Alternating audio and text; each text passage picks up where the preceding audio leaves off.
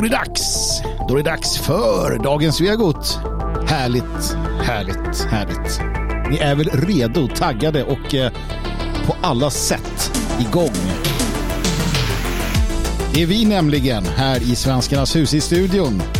Eller hur Björn? Jajamän, jajamän, nu kör vi. Häll upp en eh, liten kaffe. Häll i lite sprit i kaffet. Speciellt du som jobbar med tunga fordon. Kör tunga fordon. Ja, Jag vet inte om det är lagligt att uppmuntra till det här. det kan det nog inte vara. Men det är ju, eh, eller ja. Ska man dömas för något så är det uppmuntran till sprit i kaffet. Nej, vi har så bra lyssnare så de vet att ni inte ska dricka sprit i kaffet. Inte förrän ni kommer hem i alla fall. God morgon Kalle, god morgon Mattias, god morgon Sussi, god morgon Vadulv. God morgon Tina, Håkan. Jag kan bara ställa mig och skrika namn känner jag. Alla är representerade.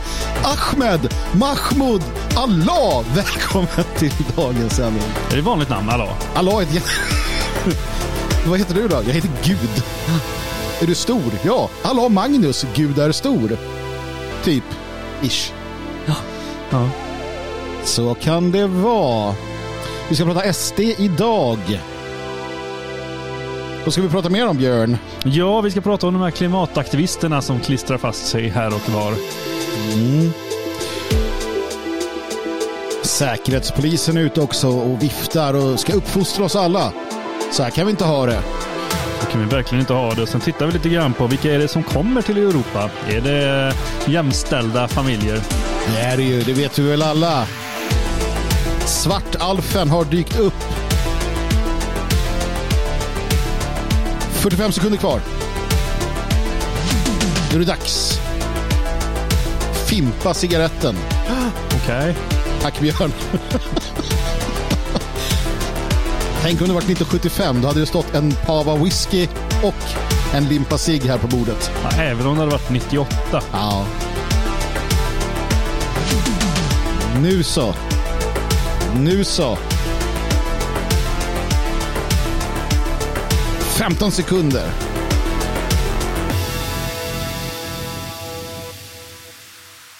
Dagens Svegot är det. Det är den 30 30 inte 30 Jag hade alltid problem med det där när jag var liten. 30 eh, augusti. Just det. Året är 2022 och eh, vi ska sända så länge som vi känner för det och har någonting att säga. Det är väl bra. Mm. Det är tisdag kan vi säga också. Det är tisdag ja, just det. Det har du rätt i. Jag, hade tänkt, eh, jag hade tänkt att det inte var, jag trodde att det var något annat men det var det inte. Vi som sänder och, och pratar det är jag Magnus Söderman och sen är det ju du då Björn. Björkqvist. Precis, så vi befinner oss i, Elgarås. Ja. I Svenskarnas hus. ja, i studion. Ja. Så, Där hittar man eh, oss. Kom inte hit och stör gärna just nu. Nej, inte just nu i alla fall. Dumt att vi berättar var vi befinner oss. Ja, ja, det kan bli lite kymigt om det kliver in någon här mitt under sändning. Men ja, det har hänt konstigare saker har det gjort. Mm. Ja, vi eh, har en hel del att prata om. eh, Så om du inte har någonting speciellt att meddela Björn eh, om vad du har haft för dig eller om det är något viktigt sådär så, så tänker jag att vi, vi bara hoppar på de här ämnena. Vi går rakt in i programmet Ja, jag. vi går rakt in i programmet utan att, utan att skämmas för det. Ja, jag tänker att vi börjar prata om den här hackerattacken hos Sverigedemokraterna. Mm. Um, för att det kom ju en nyhet som, som sa att så här. Um, Sverigedemokraterna har utsatts, utsatts för en hackerattack. Det kom igår. Mm. Och vi läste då att främmande makt till råga på allt. Ja, just det. Men inte vilken främmande makt, det var det som var lite underligt Nej, med. precis. Det var bara en främmande makt. Ja. Det, alltså det, vad är främmande makt? I, i klar, alltså det handlar ju ofta om en annan nation. Va? ja. Men det skulle ju också kunna vara typ, eh, inte vet jag, någon som, alltså en främmande, en makt som, som Någon slags stort företag eller något. ja precis. Ja, jag vet inte. Jag tror att det, det är väl länder man talar om. Inte hela länderna. Så här. suttit så här, hela Rysslands befolkning har ju sällan suttit och hackat sig in någonstans. Utan, utan att det är på order av de ledande. Precis, Figurerna Vladimir och- Putin. Och de, när man har, har läst sådana rapporter tidigare så är det ju Ryssland och Iran och Ja. kanske Kina som brukar vara intresserade av svenska intressen. Precis. Hävdas Ja. det. Sen vet inte jag om det är sant heller. Nej, jag vet inte. Skulle det vara liksom så här SDs medlemslista och mejladresser är så här att ja men det ska de ha i Ryssland och mejla ut till alla så här att Ska de kolla ifall om det skrivs något rasistiskt internt? ja, precis.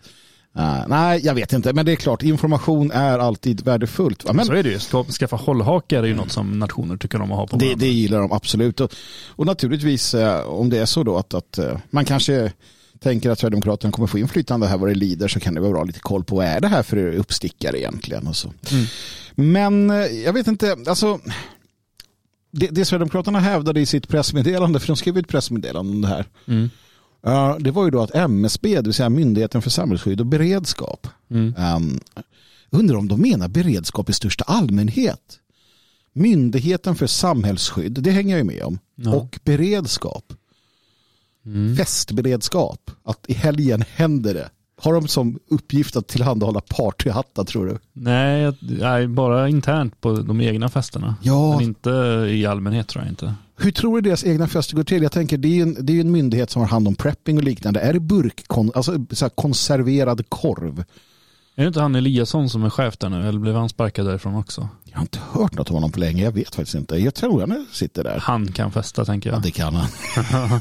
så att man får trauman att fundera över. Ja. Uh, skit i det. Myndigheten för samhällsskydd och beredskap ska ha kontaktat Sverigedemokraterna och sagt Hallå där Sverigedemokraterna. Ni har blivit eh, angripna. av- Hoppsan, har vi? Så. Ja, precis. Hackade. Mal, hackat och malet blev det.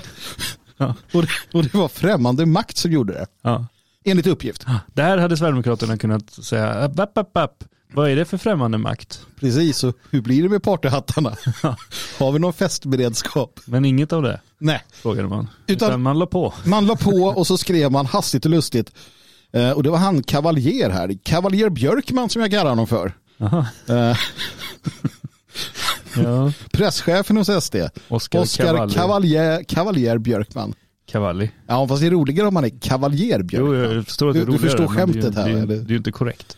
Inte ett dugg. Nej. vi ska komma in på det här med god ton och korrekthet snart. Just det. Men då skulle han då ha, eller då, då la han ut ett pressmeddelande där man då skrev att eh, Sverigedemokraterna har angripits av främmande makt och man befinner sig i en utredningsfas och det, det var en massa saker. Ja, och, och det är klart att det blir en hel del uppståndelse kring detta. Sen eh, kommer MSB tillbaka med en så här skön tillbakakaka och bara nej, nej det har vi inte sagt. Nej. Nej, nej, nej vi håller inte på att säga sådana saker. Nej, för det är inte deras jobb. Nej, de säger det.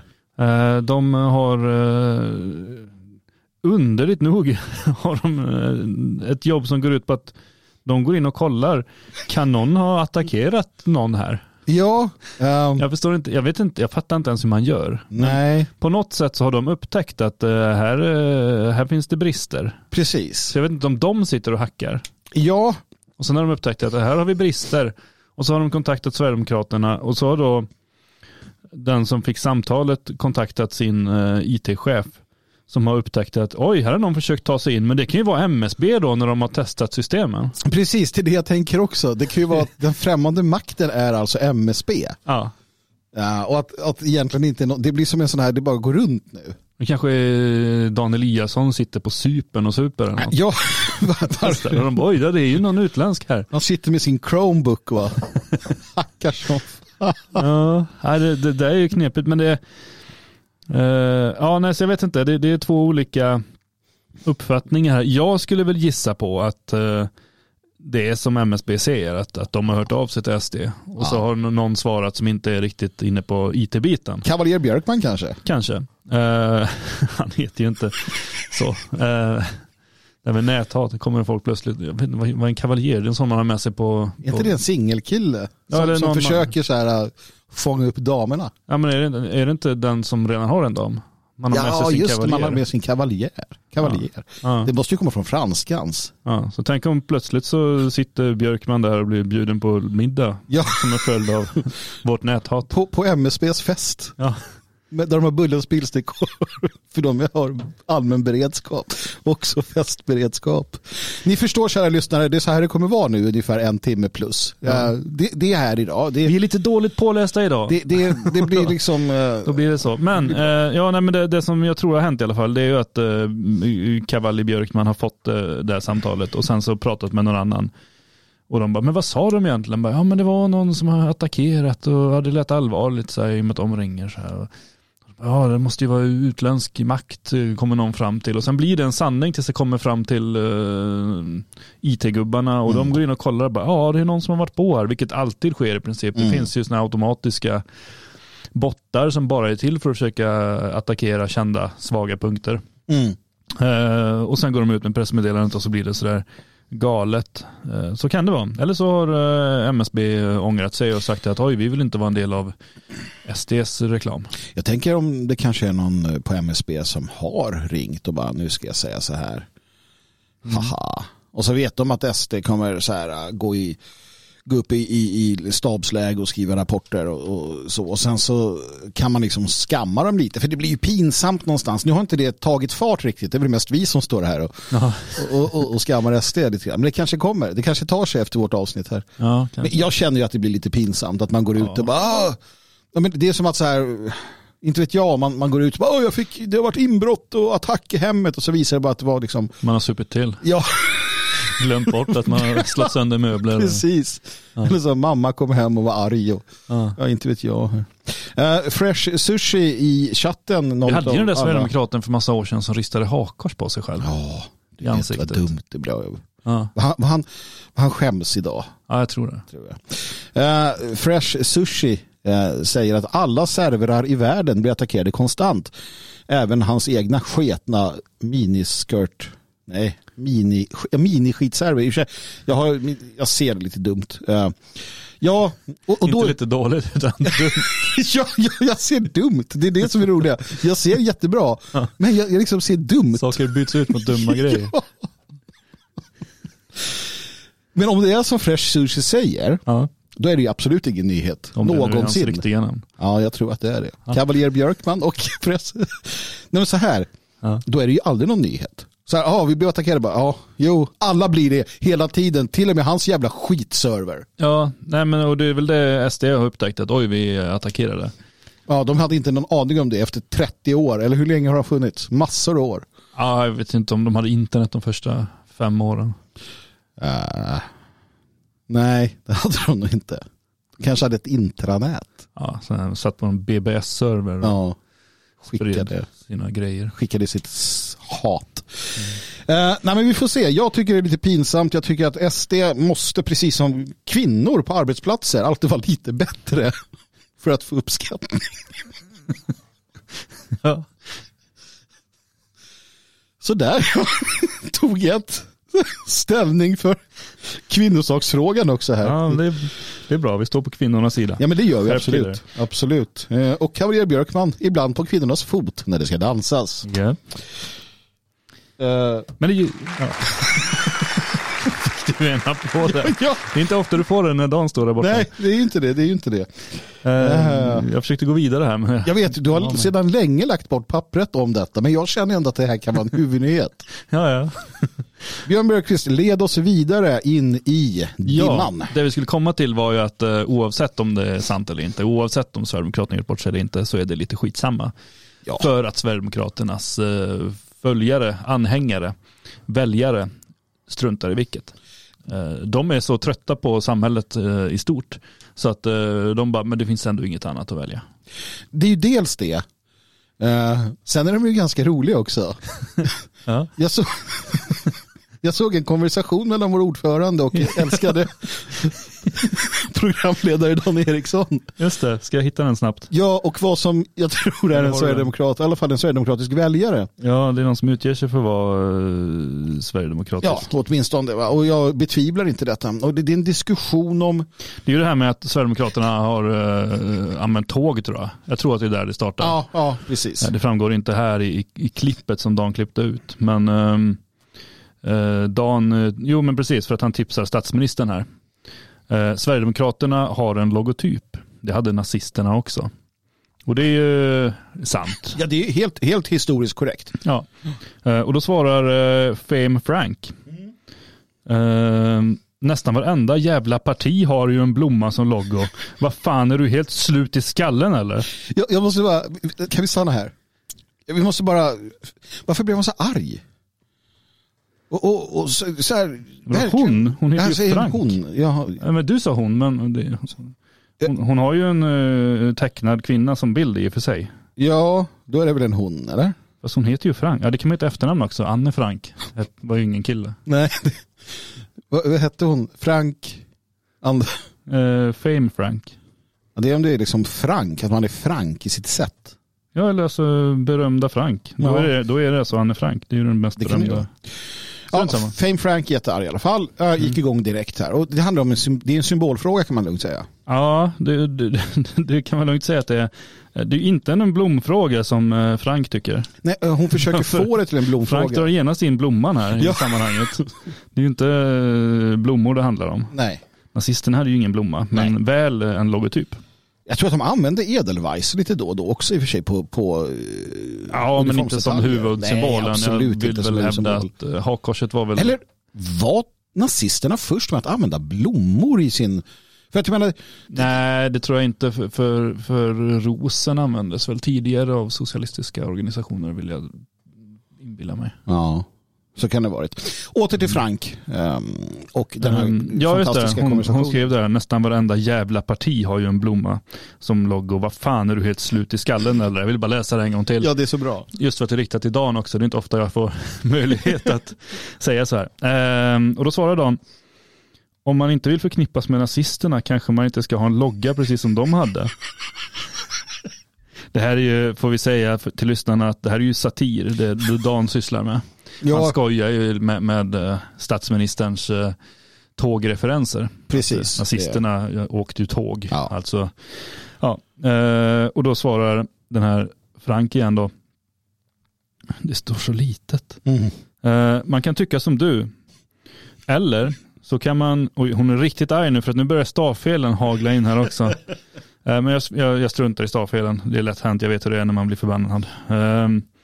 Man kan tycka som du, eller så kan man eh, tycka som oss som skiter fullständigt i att ni kallar oss rasister för att vi eh, vet Nej, för, för att vi vet att vi inte är det. Mm. Smiley, puss. Fick han en puss också? En eh, aggressiv ja, puss. det är en sån där man inte vill ha på, på krogen liksom. Ja, Dan svarar då, han backar inte. Nej.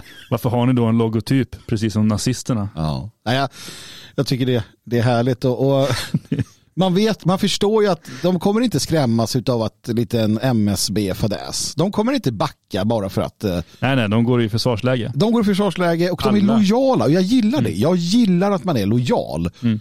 Och jag, jag tycker man ska vara lojal. Um, alltså Ja, in så, tänk om sista. partiet hade varit lika lojalt mot sina medlemmar. Ja, det hade ju varit ännu bättre. men, men nu är det åt ena hållet och det är också bra. Precis. Eh, så att, eh, ja. eh, Nej men så det spelar ingen roll och, och nu när det här säger Sverigedemokraterna att MSB har ringt dem och sagt att utländsk makt håller på att försöka krossa deras server. Då eh, tycker en stor del av medlemmarna det och Mm. anhängarna. Mm. Och de som inte tycker det tycker att uh, strunt samma. Mm. Det var väl en liten fadäs.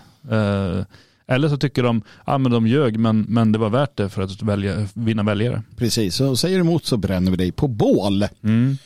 Men det verkar ju inte vara en dålig taktik i alla fall. Alltså, så här, någonting rätt gör ju Sverigedemokraterna nu, eller så, så är det någonting annat som händer. För att, Alla andra gör mer fel. ja, det kanske kan vara så va? För att de rusar ju i opinionen. Jag menar, valet står för dörren. Vi pratar 11-12 dagar tills vi alla ska göra denna demokratiska plikt. Vi ska klä upp oss. Ja, jag har ju inte fått något röstkort. Nej, men att du ska inte göra någon demokratisk plikt. Nej. Alla andra ska göra det. Ja. Ja. Eh, har du inte? Nej. Du behöver inte det när du går och röstar på valdagen. Nej, jag vet det, men jag gillar ju att förtidsrösta. Ja. Det får jag inte göra nu. Det blir inget sånt. Men Sverigedemokraterna rusar. De rusar i opinionen som en noshörning med cayennepeppar i näsborrarna. Hasorna. Hasorna ja. Eh, Och i den eh, undersökning som gjordes igår, eh, SVT Novus, så är man uppe på 20,6 procent. Och då hade man ändå tappat 0,5. Eh, Från dagen innan. Alltså det, är, det är lite tramsigt det här med att göra varje dag. Nej, för nej, då nej, blir nej, det ju nej, sådana här fel upp och ner, fram och Nej, tillbaka. det här är ju det vi lever på de här dagarna fram till valet. Sluta nu. jag tycker det är så tramsigt. Nej, det här är inte, kära lyssnare, det här är inte ett dugg tramsigt. Eh, absolut inte. Säg, det, säg igen att det är tramsigt. Det är tramsigt. Ja, Säg det igen. Det är- Sådär ja. det är tram- Det är inte ett dugg tramsigt utan det är, Däremot att hålla på med de här knapparna kan vara lite tramsigt känner jag nu. Nej, jag tror inte det. Jag tror inte det heller, nej. Nej. Eh, I alla fall, man har 20,6 procent. Eh, Då ligger man alltså betydligt över Moderaterna som ligger på en 15,8 procent. Man är alltså andra största parti i Sverige Mm. och har varit det nu ett tag. Mm. Så allting tyder ju på att det här kommer stå sig. Men vad fasiken är det som har hänt och när hände detta Björn Björkqvist och varför som sagt? Nej, jag, jag vet inte. Jag tycker det här är väldigt, eh, väldigt besynnerligt. Jag tänker att vi såg i början, eller inte i början, men för en tid sedan, Mm. när det började röra sig, när Liberalerna bytte partiledare, då var det många moderater som gick till Liberalerna. Ja. För de bara, "Ja, men äntligen en vit kar, nu kan vi rösta på dem igen. Precis. Ja. Eh, och vi behöver hjälpa dem in så att de kan rösta på Rein, eller inte Reinfeldt, utan Reinfeldts arvtagare. Just det, Ulf Kristersson Så heter han. Eh, också kallad Ulf Kristersson. Ja. Så, vi kan rösta, eh, så de kan rösta på honom då. Så därför så, men, men jag menar nu om man slår ihop Moderaternas och Liberalernas så är det fortfarande inte ett jättebra resultat. Och de, de är inte långt eh, före Sverigedemokraterna ensamma då. Nej, precis. Ja, och det är ju fortfarande, nu ska vi se, det är fortfarande fördel eh, vänstersidan om alla skulle vara överens, vitt jag förstår. Ja, just nu är det, det har varit det några dagar nu. Mm. Så det är lite fram och tillbaka där också. Men det förutsätter ju att man får ihop det också, såklart. Ja. Ja, alltså Vänsterpartiet, vi såg ju intervjun med, med Dadgostar där och hon är ju väldigt ehm, fast vid tanken på att hon ska vara med i regeringen. Mm. Och jag tycker att det är ett rimligt eh, ställningstagande fr- från henne. Mm. Eh, någon jävla måtta får det vara. Eh, som Mm. Hermansson sa, det måste vara någon jävla ordning i. Frågan är ju då om Centerpartiet eh, som säger väldigt starkt att det vill de inte eh, kommer att vika sig. Vilket inte är orimligt, eller det är ingen omöjlig tanke. Är det inte för att så, alltså, är det någon som har vikt sig hela tiden, konstant så är det ju Centerpartiet. Precis. Annie Lööf, ett intressant... Jag fick, någon, någon, jag fick någon form av uh, uppenbarelse igår. Mm. Eh, jag skrev ju om, om det här på svegot.se. Just det. Um, inte om just det här, men om Annie Lööf. Eh, och det faktum att hon då ville ha uh, servera oss S och M efter valet. Mm. Och eh, det jag kom att tänka på då när jag satt och skrev den här eh, texten, det var ju att hon är egentligen förutsägbar. Och alla de här äh, abrovinkorna abrovinkerna hon har gjort och vägrat, alltså ljugit som vi så säger, eller, eller liksom eh, det här med att hon skulle käka upp sin sko, att hon är stödparti åt S. Alla de här sakerna, ja men de är helt logiska och självklara. De ligger helt i linje med det faktum att hon kanske är en av de främsta sådana här, äh, heter det chills? Jag tror man säger det som ett modernt ord, chill åt eh, exempelvis World Economic Forum eller den idén som ligger bakom Bilderbergarna och internationalisterna. Mm. Hon om någon ehm, är ju, alltså hon var på Bilderbergmöte, hon, hon har täta kontakter, Mm. uh, förestår det, det största, det rikaste partiet och så vidare. Det slog mig liksom att hon har nog aldrig riktigt brytt sig om partipolitiken på det sättet. Hon skiter egentligen i eh, Centerpartiet i den mån att, att eh, ja, hon vill ju ha, kunna ha inflytande. Men just det att hon kan liksom fritt röra sig åt alla håll och kanter. Och det, som, det som är viktigt för henne det är det som är viktigt för globalisterna. Kanske på ett annat sätt än det är för, ja, men till och med för, för Magdalena Andersson som kanske har ett uns av arbetarrörelse kvar i, i ryggraden. Mm. Jag vet inte, vad tror du där?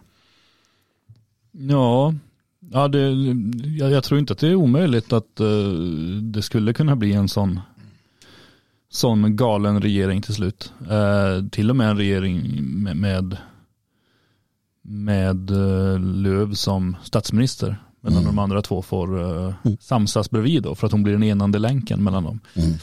Eh, men det, ja, nej jag vet inte, det, det där är så, det är väldigt, väldigt svårt. Men det verkar ju någonstans som att det enda som intresserar Löv det är ju invandring. Att, att eh, Sverige har så mycket invandring som möjligt. För Ja. att det, där, där viker hon sig aldrig. Nej. Men när det kommer till alla andra frågor, där är hon ju väldigt beredd att ändra Mm. sig. Jag menar, innan valet då skulle hon ju aldrig bli ett stödparti, hon skulle käka skor och grejer. Mm. Eller, men där vek hon ju väldigt fort. Och sen så var det ju vissa punkter som var väldigt starka när, när vänstern satte ner foten. Då vek hon ju. Och så fortsatte hon stödja sossarna i alla fall. Mm. Därför att där hade de invandringsblocket. Precis. ja, men det, det är intressant. Nu har ju också S, eh, gått framåt igen. Då. Mm. Um, man tror att det beror på det här som framkom att den här killen på Gotland där skulle mörda henne. Uh, att det är sympati. Ja, och det säger också en del om väljarna. Vad är det för Ja. jävla pack? Jag, jag, alltså jag skiter väl i, alltså det är väl inte det. Det är inte så att jag tycker bättre om någon för att någon ska mörda honom. Nej. Eller henne. Det är jättekonstigt. Så Man kan tycka synd om men man tycker inte bättre om dem. Det är verkligen inte. Det- Så det finns ju ingen, finns ju ingen mening, mening att göra det. Nej. Uh, utifrån den premissen. Då. Nej. Vi hade ju också här eh, ehm, siffror på vilka man skulle kunna acceptera att ha i en regering. Precis, och det är jätteintressant. Av någon outgrundlig anledning, Björn Björkqvist, så skrev jag aldrig ut det Nej, jag pappret. vet. Och jag, Jag- har det jag- inte Det framför är därför mig. jag har du- stått här frånvarande en stund och Ja. letat. Eh, Nu ser jag att du gör samma sak. Men jag har det på mobilen nu. Ja, men vad bra. Då får du ta det här. Ja. Björn Björkqvist. Eh, och då är det så här, vilka partier skulle du acceptera i en regering? Det är Svenska Dagbladet som skriver om det här. Eh, det är Sifo som ligger bakom mätningen. Och allra, allra flest eh, kan tänka sig Socialdemokraterna i en regering. 57 procent. Ja. Inte att de tycker att det är optimalt, utan de kan tänka sig det. Eh, Ja, men v- v- ställ- acceptansen är frågan. Ställd mot vad? Så här, ja, kan du acceptera det? Eller så kan vi typ skjuta alla och bomba Sverige till inbördeskrig. Det är som, vilken är den andra? Jag hittar inte exakt hur frågan är ställd. Eh, utan det verkar som att vilka partier skulle du acceptera i en regering? Alltså acceptera innan du går ut med vapen. Ja, men det måste vara innan jag går ut med vapen, bombbälte och, och startar ett inbördeskrig. ja, eller lämna landet, jag vet inte. Men, men, Nej, jag tror inte det. Jag tror det är krig. Ja, Alltså, ja, det- för det är klart, acceptera handlar ju verkligen om att, ja, ja det måste ju vara det. Ja, och då nej, är det men okej. 57 procent, då är det ändå ganska många som nu, just nu inte accepterar Socialdemokraterna. Ja, som är beredda att gå ut i Det är krig. 43 procent som står redo. Ja. Kon- Jättekonstigt. Ja, det är jävla underligt. Ja. 54 procent kan tänka sig Moderaterna. Eh, och det är också så här när det jämför eh, tidigare mätningar ehm, i år så sjunker Socialdemokraterna en aning medan Moderaterna stiger en aning. Mm.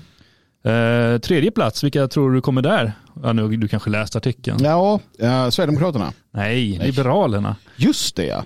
Liberalerna, 48 procent av svenskarna tänker att eh, de kan vi ha. Följt av Centern med 46. Men vänta nu, är det inte långt över 100 procent vi är inne på nu? Jo men eh, man kan ju inte tänka sig bara ett parti. Man kan ju tänka sig alla. Någon, någon har säkert suttit och svarat att de kan tänka sig alla partierna. Och någon, det är sådär och för sig. jag skulle kunna till exempel svara ingen. Nej men precis, 100 procent ingen Ja. accepterar jag. Ja. Ja. Eh, men så att eh, jo, då, vi är långt över 100 procent. Vi är uppe på 200 procent här nu. Faktiskt, eh, en bit över. Kan nog öka. Det, kommer det göra ju fler partier vi lägger på. Ja. Magnus, om du räknar på det här så kan jag, jag prata det. vidare. Du pratar och jag räknar. Ska vi se vad det blev till sist. Ja, nej, men det är lite intressant just att det är Liberalerna och Centern och det är ju de här som hoppat fram och tillbaka mellan blocken. Eh, Båda blocksidorna vill ha dem lite grann. Medan ganska många hatar dem också. Eh, Sen kommer Kristdemokraterna, 43 eh, procent. Och sen kommer Sverigedemokraterna med 34 procent. Man tänker ju, alltså hade det här varit för några år sedan, då hade de kommit allra, allra sist. Ingen kan tänka sig Sverigedemokraterna. Nu har de ju runt 20 procent, men det är ändå så här 14 procent till som kan tänka sig att de skulle kunna vara med Mm. kan ju också vara en annan som röstar på Sverigedemokraterna som tänker att ja fast inte i en regering, det vore ju dumt. Det här Ja. är min proteströst, jag vill inte att de ska bestämma, det vore ju vansinnigt. Herregud. Eh, Miljöpartiet 33 och Vänsterpartiet allra sist med 32. Mm. Det är ganska nära mellan de där 30, 30 taggarna där. Ja, jo det är det absolut, men det är ändå, det är ändå ganska intressant Mm. att det springer runt väldigt många eh, socialdemokrater till exempel som absolut inte kan tänka sig Vänsterpartiet i en Mm. regering. Ja, så är det. Eh, vilket är lite, eh, jag menar de har ju samarbetat så många år nu. Mm. Det där kan bli en liten vink till Sverigedemokraterna att ni kommer aldrig bli accepterade. Det, det sker inte. Nej, precis, precis. Jag tänkte på det också. Vi, har ju den där situationen nu då att uh, Sverigedemokraterna är andra största parti. Det betyder också att de är störst i det blocket. Det brunblåa blocket som jag brukar kalla dem. Ja, eller vi kan säga så här.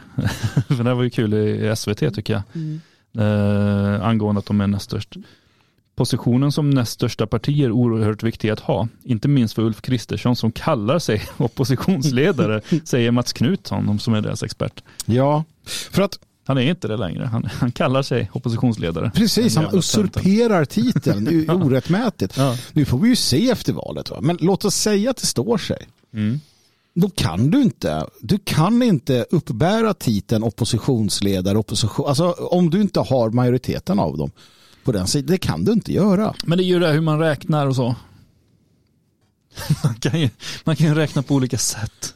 Ja. Räkna i antal röster för sitt parti är ju ett sätt. Mm. Och många vill väl säkert göra det. Men, men sen har ju Kristersson har ju ändå med sig Kristdemokraterna och Liberalerna. Mm. Så om de tre tillsammans är större än Sverigedemokraterna då är han ju fortfarande oppositionsledare. För de två andra vill ju ha honom som statsminister i Jo, första det är hand. klart, det är klart. Och det går alltid att vrida till det. Men symboliskt så blir det ju ändå väldigt tydligt. Det är redan Ja. väldigt tydligt. Ja, ju. och, och någonstans är det ju också eh, så att skulle man då få till stånd att, att eh, det blir en, en valvinst för den uh, brunblåa sidan Mm. så vore det ju inte mer rimligt att, att Jimmy Åkesson då blir statsminister. Utifrån hur det en gång var. Men nej, vi har inte den typen av allians. Ska vi komma ihåg, alla går till val på sina egna. Mm. Eh, sådär. Så att, så att eh, det blir ju som du säger då fortfarande då den som kliver fram och kan få flest med sig. Då. Mm. Men, Men det är inte helt orimligt att eh, Åkesson skulle få fler ministrar än Moderaterna. Nej. Medan däremot Kristersson ändå blir statsminister. Mm. Men så här då, två frågor. Tror du att, eh, låt oss säga att de, får, att de vinner makten, alltså det här gänget då. Eh, tror du ett, man släpper in eh, Åkesson och två, tror du att det är klokt att bli, eh, att, att eh, acceptera ministerposter från Sverigedemokraterna? Mm. Nej, jag, jag tror någonstans att de inte kommer göra det och att Åkesson kommer acceptera det. Mm. Han kommer få tillräckligt mycket politik infört. Han kommer kunna stå vid sidan om och gnälla och klaga Mm. eh, och vinna ännu fler röster till nästa gång och då kliva in i en regering om inte sossarna tar makten. Mm. Eh, Jag håller med, eh, eller jag tror samma som du och jag tror också att det vore ett kardinalfel av SD Mm. att om de så fick, alltså inte vet jag, massor med ministerröster, säg nej. Mm. Det är nog lockande om det skulle hända, men att hamna, det, det har vi sett från Miljöpartiet med flera partier, Ja. att hamna i regering, det är inte kul. Om inte um, de hade räddats nu, om, inte, om det inte hade blivit den här sista omröstningen som gjorde att eh, regeringen föll och de bildade en ny regering utan Miljöpartiet, då hade ju Miljöpartiet aldrig kommit tillbaka. Nej, nej precis. Nej, för att, för att, eh, att vara i opposition är alltid bra. Eh, och SD skulle inte tjäna på att sitta i, i regering. Eh, Framförallt inte nu när vi går mot en, en fördjupad ekonomisk kris. Och, och sanningen är ju den att det blir alltid, alltså när borgerligheten tenderar ju att, jag tycker alltid det blir stökigt när de sitter och sköter ekonomi. Eh, jag vet inte, det är bara en känsla jag har. Det kan vara sossepropaganda jag har gått på, men jag tycker det alltid känns som det. Att det alltid blåser jävligt snålt och det är knepigt och det är underskott och det är fan och hans moster. Ja, det är väl mycket att de tar över i sådana perioder också. Jo, precis. Så det blir ju så jävla sorgligt. Så att de får ju ofta skiten där. Ja. Eh, men alldeles oavsett så, ja, så tror jag inte, återigen, fyra år är på tok för kort tid för att lösa ett jävla dugg, eh, egentligen. Mm. Ja, och, och tittar vi på sossarna så har de inte lyckats få igenom sin politik eh, någonsin, säger de själva, för de protesterar mot sig själva varje år. Mm. Eh, SD2 borde vara i fortsatt opposition. Vi får se om de, om de lär sig av oss eller inte. Och Ja, men Åkesson är jag, ju ändå, eh, försökte du gå vidare här. Jag försökte eh, det, men det Chi fick du. jag chi för. Ja, nej men alltså Åkesson har ju inte, han är ju inte så jättehård, inte som eh, Dadgostar som säger att hon ska vara med i regeringen. Nej. Åkesson har aldrig sagt jättetydligt att det ska han. Nej. Han säger att eh, det skulle han vilja, men han poängterar hela tiden att det viktiga är politiken. Precis, och det, det är Eh, nog så ett- han har ju redan gått in i ett ganska svagt eh, förhandlingsläge Ja. där. Och det är nog klokt. Man kan, man kan bli lite sur på honom att han inte bara liksom vräker på. Va? Men, men eh, Problemet är att hans krav på att sitta i regeringen skulle ju kanske kunna få till exempel människor att välja bort Liberalerna och istället ta Centerpartiet. Så att eh, lite för att få med sig dem också på, på båten så är han väl, framstår han väl som lite svag redan nu. Mm. Vilket annars är ett ganska dåligt för, förhandlingsläge. Mm. Ja, men precis. Du, eh, Björn, vi har pratat om det här tidigare. Och eh, vi har väl aldrig kommit fram till någonting. Då, men jag, jag tänker att, att vi ska resonera lite kring det här med ton. God ton. Vi såg nu till exempel att Annie Lööf då blev, hon, hon var, hon var eh, föremål för en persons eh, mordplaner enligt uppgift. Eh, och, och det hotas och det hatas och det bråkas och det skälls och, Mm. och det, det är cyniskt och det är elakt. Och det är ganska kallt och hårt där ute på nätet. På internet menar du? Precis, på internet. För att i den vanliga världen så verkar det inte vara alls den eh, politiska, politiskt motiverade brottslighet som vi såg förr i världen. Alltså? Nej, jag upplever inte att vi har den typen av eh, attacker och, och hembesök och eh, liknande som var liksom eh, eh väldigt vanligt för. Det händer absolut, men inte mm. på den inte Nej, på den. Vänstern har ju försvagats på det sättet. De har ju mm. inte längre Lite grann kanske de har gett upp och gett sig ut på annat som vi kommer att prata om senare. Precis, men, precis. Men, ja, nej, men så är det ju. Förr så var det ju väldigt vanligt att Sverigedemokrater utsattes på, på många ja. sätt. Men vi har ju sett lite grann i den här valrörelsen också. Det är väl några bilar som har blivit förstörda jo. och lite klotter och sådär utanför eh, AFS eh, mm. representanters bostäder och så. Eh, så viss förstörelse är det ju fortfarande. Det, det kan ju också vara att allt inte når ut utan en del tycker det är lite jobbigt och hellre tonar ner det. Mm, nej men så kan det vara absolut. Eh, Valplakat och sånt verkar ju förstöras i enorma mängder fortfarande. Ja, jag undrar om det är därför som Sverigedemokraterna sa att vi skiter i det. Uh, för de har inga valplakat utav miljöskäl vill jag minnas. Jo, men de har valplakat. Har de det? Ja, här och var. Jaha. Jag tror det är olika i olika kommuner. Ah, ja, ja, okej. Okay. Ja, men här så kan det vara. Här har vi inte det. Nej, Nej. precis. Jag har sett det på andra orter i alla fall. Ja, men det kan ju vara lokala. När du har varit och rivit ner så såg du deras. Ja. Man får inte riva ner valplakat. Nej, jag har inte gjort det. Nej, jag har inte jag rivit ner ett enda valplakat i år. Nej. Vi får se hur det blir nästa år. Det är ja. inte klarlagt än. Nej, och det här året är inte över heller. Nej, det är det ju inte. Vem vet, det kanske peppar, blir en... Peppar, ta i trä. det kanske blir en, en raid. Nej, men det jag vill komma in på det är det här att um, ord kan göra ont, Björn. Mm. Ord kan eh, förmå människor att eh, göra saker. Och jag är den första att erkänna det. Alltså ord ligger till grund. Så här är själva kedjan. Handling, ord, tanke. Alltså tanken först, orden sen och handlingen. Tankar formuleras av ord. Eh, och ord blir till handlingar. Och det är värt att tänka på för sådana som oss till exempel som jobbar med det vi gör. Där vi pratar mycket och resonerar mycket. Och som vi har kunnat märka så ibland så kanske sånt som eh, ironi och liknande inte riktigt går hem. Folk förstår inte riktigt och om man då ser att man har ett inflytande så kanske man måste tänka på det. Eller måste man det? Låt oss börja där. Måste man bry sig om sådana saker? Det kan man bara säga vad fan man vill. Ja, nej, jag tycker man kan säga vad fan man vill. Du tar inga ansvar för om människor gör saker utifrån det de tolkar in i att de tycker att du har sagt. Ja, då måste de ju ha tolkat väldigt frikostigt utifrån vad jag har sagt. Ja. det, det, kan jag säga. Nej, jag tycker det ska gå. Alltså det, jag, jag, tycker väl att om man uppmanar folk att uh, gå till kriminell handling, att ha ihjäl någon eller vad som mm. helst, då, då, tycker jag definitivt att det, det finns ju, då är det ju olagligt och mm. uh, så ska det ju vara.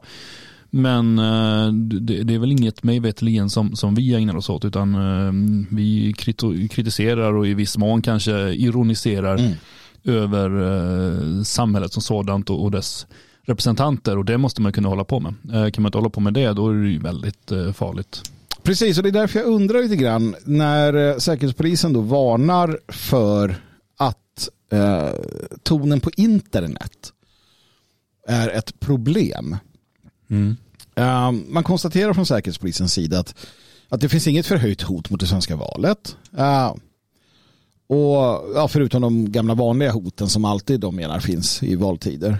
Uh, man konstaterar dock att, att Ryssland är upptagna med annat. Uh, och så vidare. Men man säger så här, vi kan se en förskjutning med väldigt mycket hot och hat på nätet. Den digitala arenan ger en tillgång och möjlighet att häva ur sig saker i ett kommentarsfält. Det här läser folk. Jag tror att det är någonting som alla bör fundera på. Mm. Uh, och där tänker jag lite grann, när blev det säkerhetspolisens roll att uppfostra medborgarna i hur de uttrycker sig på nätet? Uh, ja, men det är väl deras uppgift att, att, uh, att uh, säkra rikets säkerhet. Mot kränkande och elaka ord. Ja, men om de upplever att, att till exempel den här galningen i Visby nu då, att, mm. att han har blivit påverkad, då, då, då är det väl kanske deras uppgift att också försöka hindra människor från att skriva. Jag vet inte. Jag vet inte. De har ju en annan insyn i det där också än vad vi har. Eh, jag har ju väldigt svårt att se hur, hur eh, för, för det var ju någon sosse, Ann Linde gick ut väldigt fort eh, efter det kom ut att Annie Lööf eventuellt, det är inte, jag tycker inte allt, någonting är helt klarlagt där, men att hon skulle, att det skulle funnits en hotbild mot mm. henne. Och Ann Linde gick direkt ut och hävdade att det här är ju Sverigedemokraternas nätsatsning i Riks Mm. som ligger bakom. Det är inte konstigt att, att människor begår sådana här handlingar när Riks håller på och eh, ironiserar över Löv på det här sättet. Ann Linde borde ju veta en hel del om ord med tanke på att hon är helikopterviskaren. Va? Ann Linde borde veta ett annat ord om, om ordets makt med tanke på att hon är helikopterviskaren. Okej. Det här gick över huvudet på dig. Ja. Det, det var ju nära att de kraschade i Ja, ja. Ukraina. De satt i en helikopter, Ann Linde och den annan minister. Förlåt, jag hade glömt. Och hela skiten höll på att kraschlanda. Just det. Och när man höll på att krascha så viskade Ann Linde, vill jag minnas, till piloten eller till någon att du kan inte krascha nu. För vi sitter, det är två ministrar i planet. Just det. Ja, Just det. helikopterviskaren. Just det. Ja. Ja. Ja. Det här är en stor händelse. Jag borde ha, jag vet inte. Jag gick, jag gick bakåt i händelser som man gör ofta i min ålder. Ja, precis. Nej, men jag tycker inte att Säkerhetspolisen överhuvudtaget ska kommentera alltså, hur det låter på nätet i den bemärkelsen. Saken Nej. är den att eh, de borde snarare säga att det är fantastiskt att vi har en möjlighet för människor att kunna uttrycka sig fritt. Eh, däremot ser vi det som eh, ganska oroligt, oroväckande att till exempel Twitter censurerar, stänger av och på andra sätt och vis håller ner liksom, möjligheter för människor att göra detta. Inte att så här, ah, det är mycket hot och hat. Alltså, först och främst, hot, om det är hot på nätet så, så förutsätter jag att eh, polisen tar hand om det då. Hot är inte lagligt, man får inte hota. Nej. Hat däremot, det är grundlagsskyddat. Det är yttrandefrihet. Du får hata hur jävla mycket du vill och jag för min del tycker att det är bättre i sådana fall att folk eh, härjar på nätet eh, och kan få eh, liksom ut sina, eh, sina känslor och tankar där än att de sitter hemma och, och liksom tryckkokar eh, det hela. Jag vet inte, men där har man kanske olika sätt att se på det. Jag tycker bara att det är obehagligt med tanke på att också Morgan Johansson och regeringen vill ge Säkerhetspolisen möjlighet att spara allas Twitter-konversationer eh, och genomlysa dem eh, för vad det nu är. Samtidigt som man säger att ja, vi ser det här, det är inte bra med hot och hat på nätet. Jag tror inte ens han menar hot. Att det han menar är att människor säger ifrån, människor tycker att den här jävla staten kan fara åt helvete. Eh, Människor applåderar när, när det händer tråkiga saker med myndighetspersoner. Man, man eh, liksom uppmuntrar till alla möjliga former av obstruering och liknande. Det är det de menar.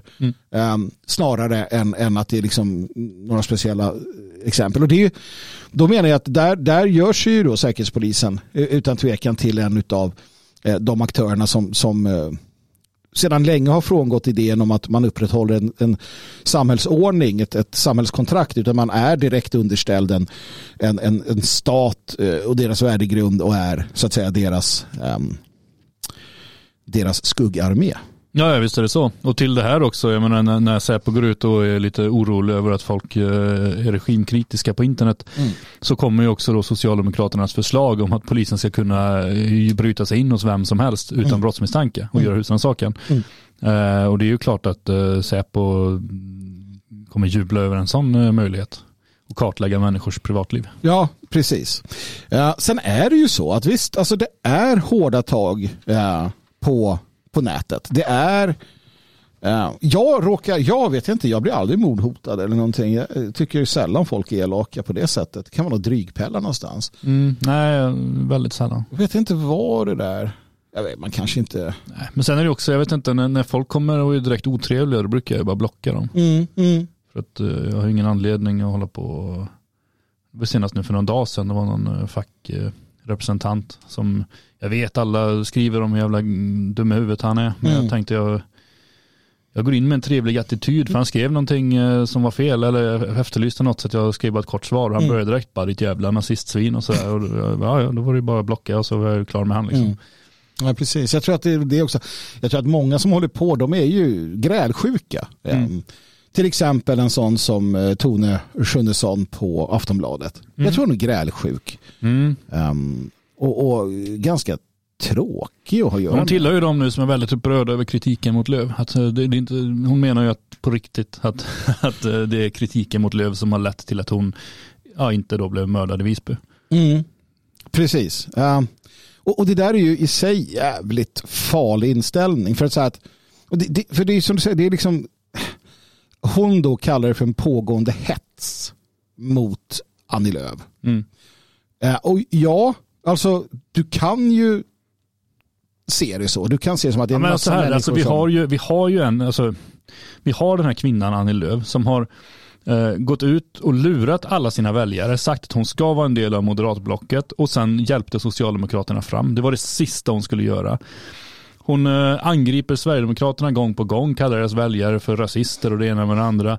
Håller på, missar inte en enda chans att ta in dem. Hon har pratat om att Sverige kan ta emot miljontals afrikaner och sen förnekat det fast det finns på film. Alltså det, det, det är ju en lögnaktig antisvensk Kärring. Ja, totalt dum i huvudet och ver- verklighetsfrånvänd. Att människor blir förbannade på henne, det är inte konstigt. Sen är det ju en sak att folk kritiserar. En annan sak hade ju varit om alla gick ut och skrev att ah, men ser ni henne så döda henne.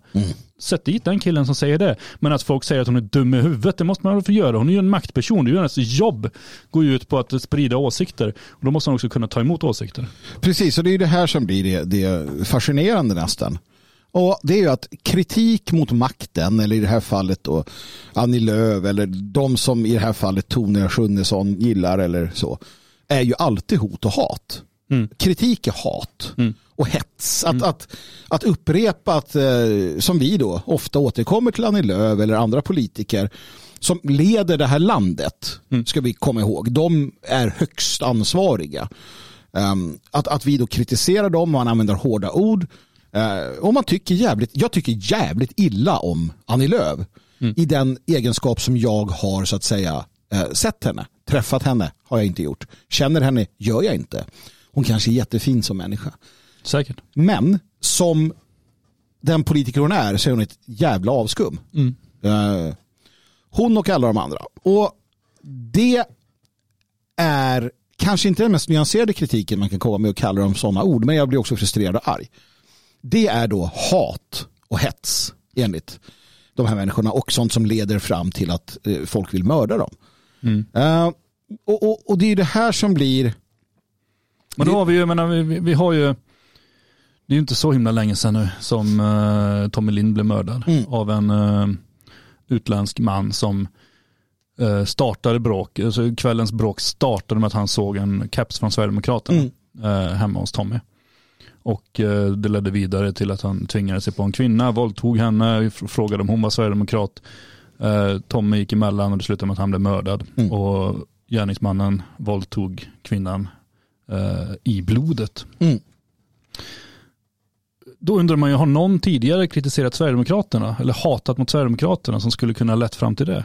Kan till exempel då den här Sjunnesson ha skrivit någonting tidigare? Mm. Eh, typ så här, Björn Söder, din goa nazist. Hoppas du känner dig trygg där du bor. Mm. Eh, om hon har skrivit något sånt där, då, då skulle man kunna tänka att hon kanske varit med och drivit fram den här invandraren till att begå sin gärning.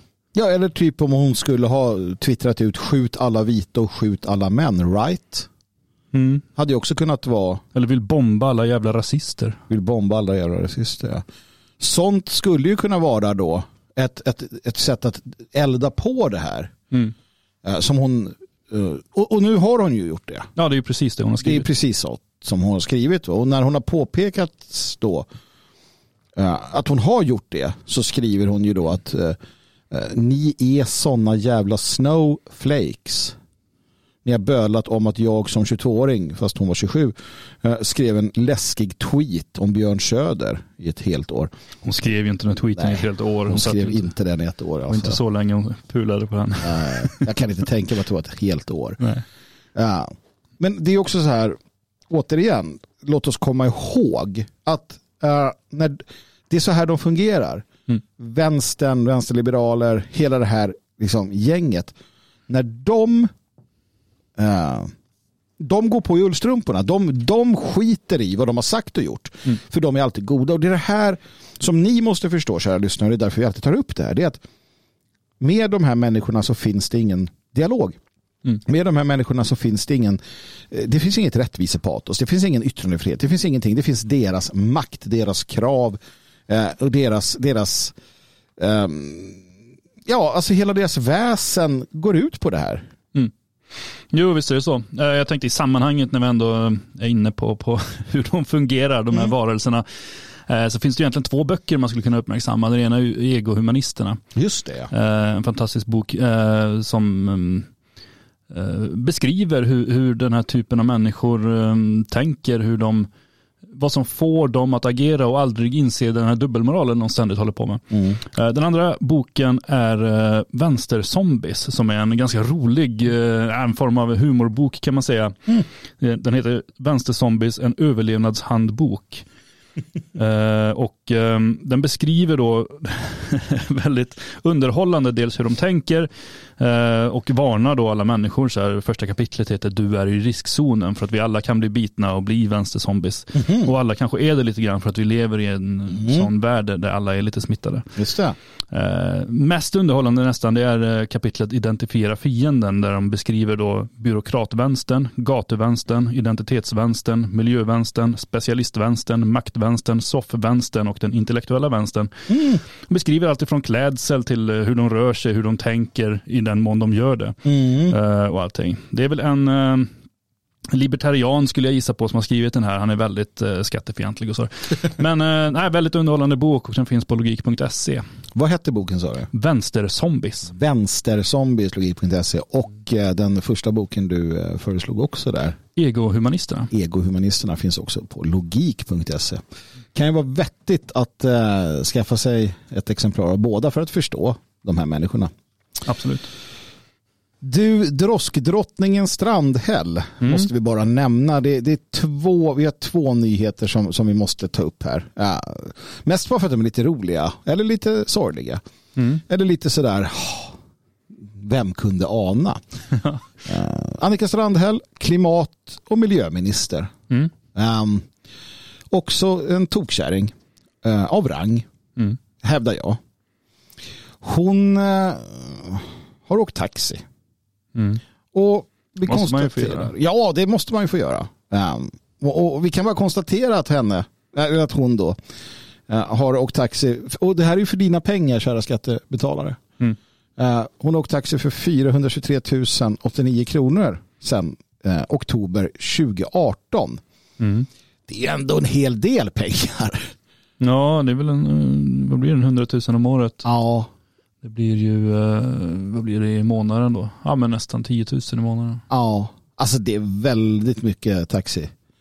Måste Ja. jag säga. Um, och, och, och det är också, jag vet inte om taxi, ja det är väl ganska, är det, hur miljösmart är det? Och vilka, vilka turer har hon åkt? Jag, jag tror inte att hon bryr sig, ärligt talat. Nej, alltså samtidigt så är det så. Jag, jag vet, eh, det var någon sverigedemokrat som fick någon fråga om det där för flera år sedan. För att han hade åkt mycket taxi och han sa ju att det är ju säkerhetspolisen har sagt till mig att Mm. varje gång jag rör mig, alltså jag ska inte gå ute i onödan. Mm. Utan jag ska ta taxi. Jag Mm. har fått order på det. Mm. Samtidigt funderar jag på, har inte Annika Strandhäll livvakter som kör Ja, henne? Jag tycker ju också det. Så jag funderar på var kommer hennes taxiresor ifrån? För att eh, man har hört talas om andra som har livvakter som använder dem som taxitjänst. Mm, mm. Ja, och precis. åker runt med dem. För annars åker de ju ändå med dubbla bilar. Så det, är, det är ju ganska naturligt att man...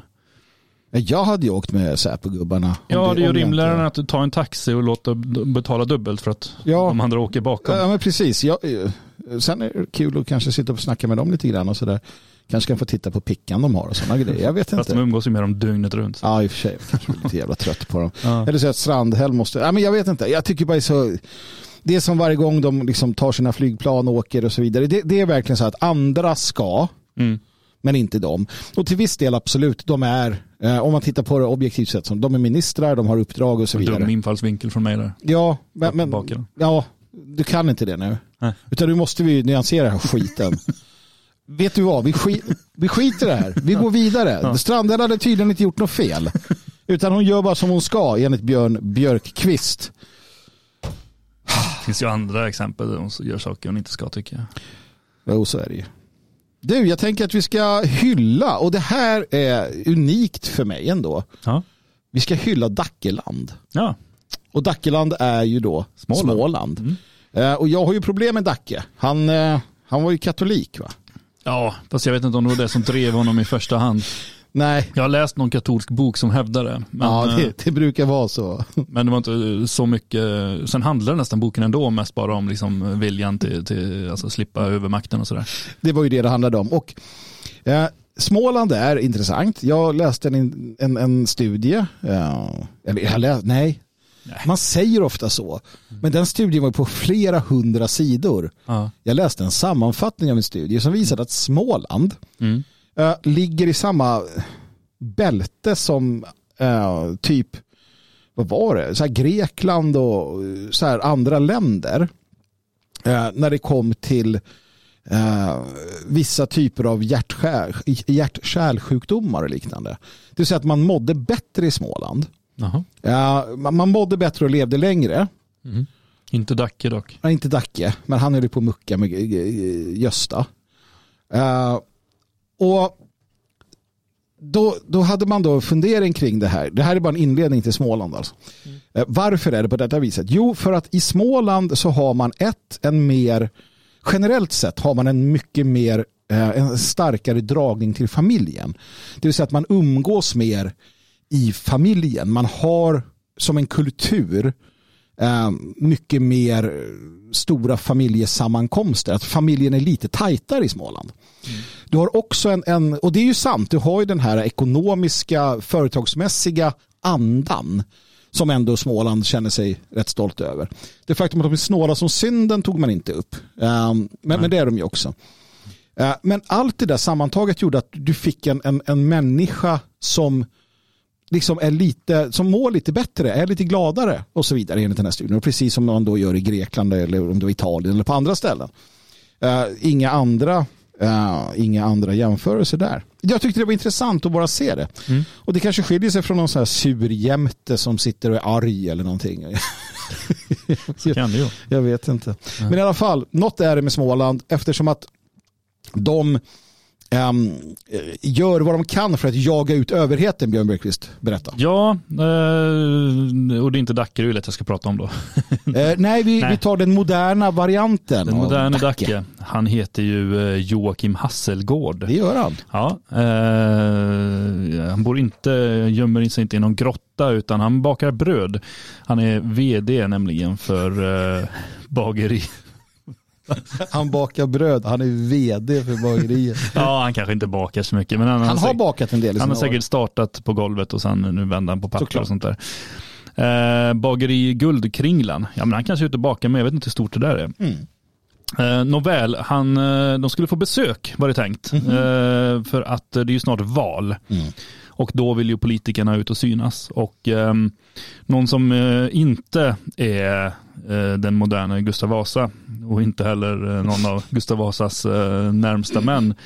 Det är ju mm, Kashyar Farmanbar som är socialdemokrat, svensk socialdemokrat, mm. eh, iranier är han va? Mm. Är, han, är han kurd också eller? Eh, jag vet faktiskt inte så mycket om honom. Eh, när jag läste rubriken först där, när vi gick igenom att Farman Bar släpptes inte in så trodde jag att det var bara någon blatte som inte hade släppts in på krogen.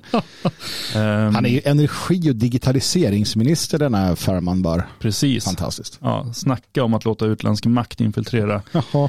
Eh, nåväl, eh, han i alla fall skulle då till eh, Guldkringlan i Vimmerby för att eh, göra ett studiebesök och kunna fotograferas eh, bland mjöl och eh, bagare. Jag tror att han ville äta en massa jävla godsaker, jävla Säkert det också. söt. Eh, ja. Eh, säkert det med. Men, Gratis tänkte han. Mm. då säger Joakim Hasselgård så här. Vi fick förfrågan om att ta emot energiministern. Men vi tog beslut i vår styrelse om att säga nej.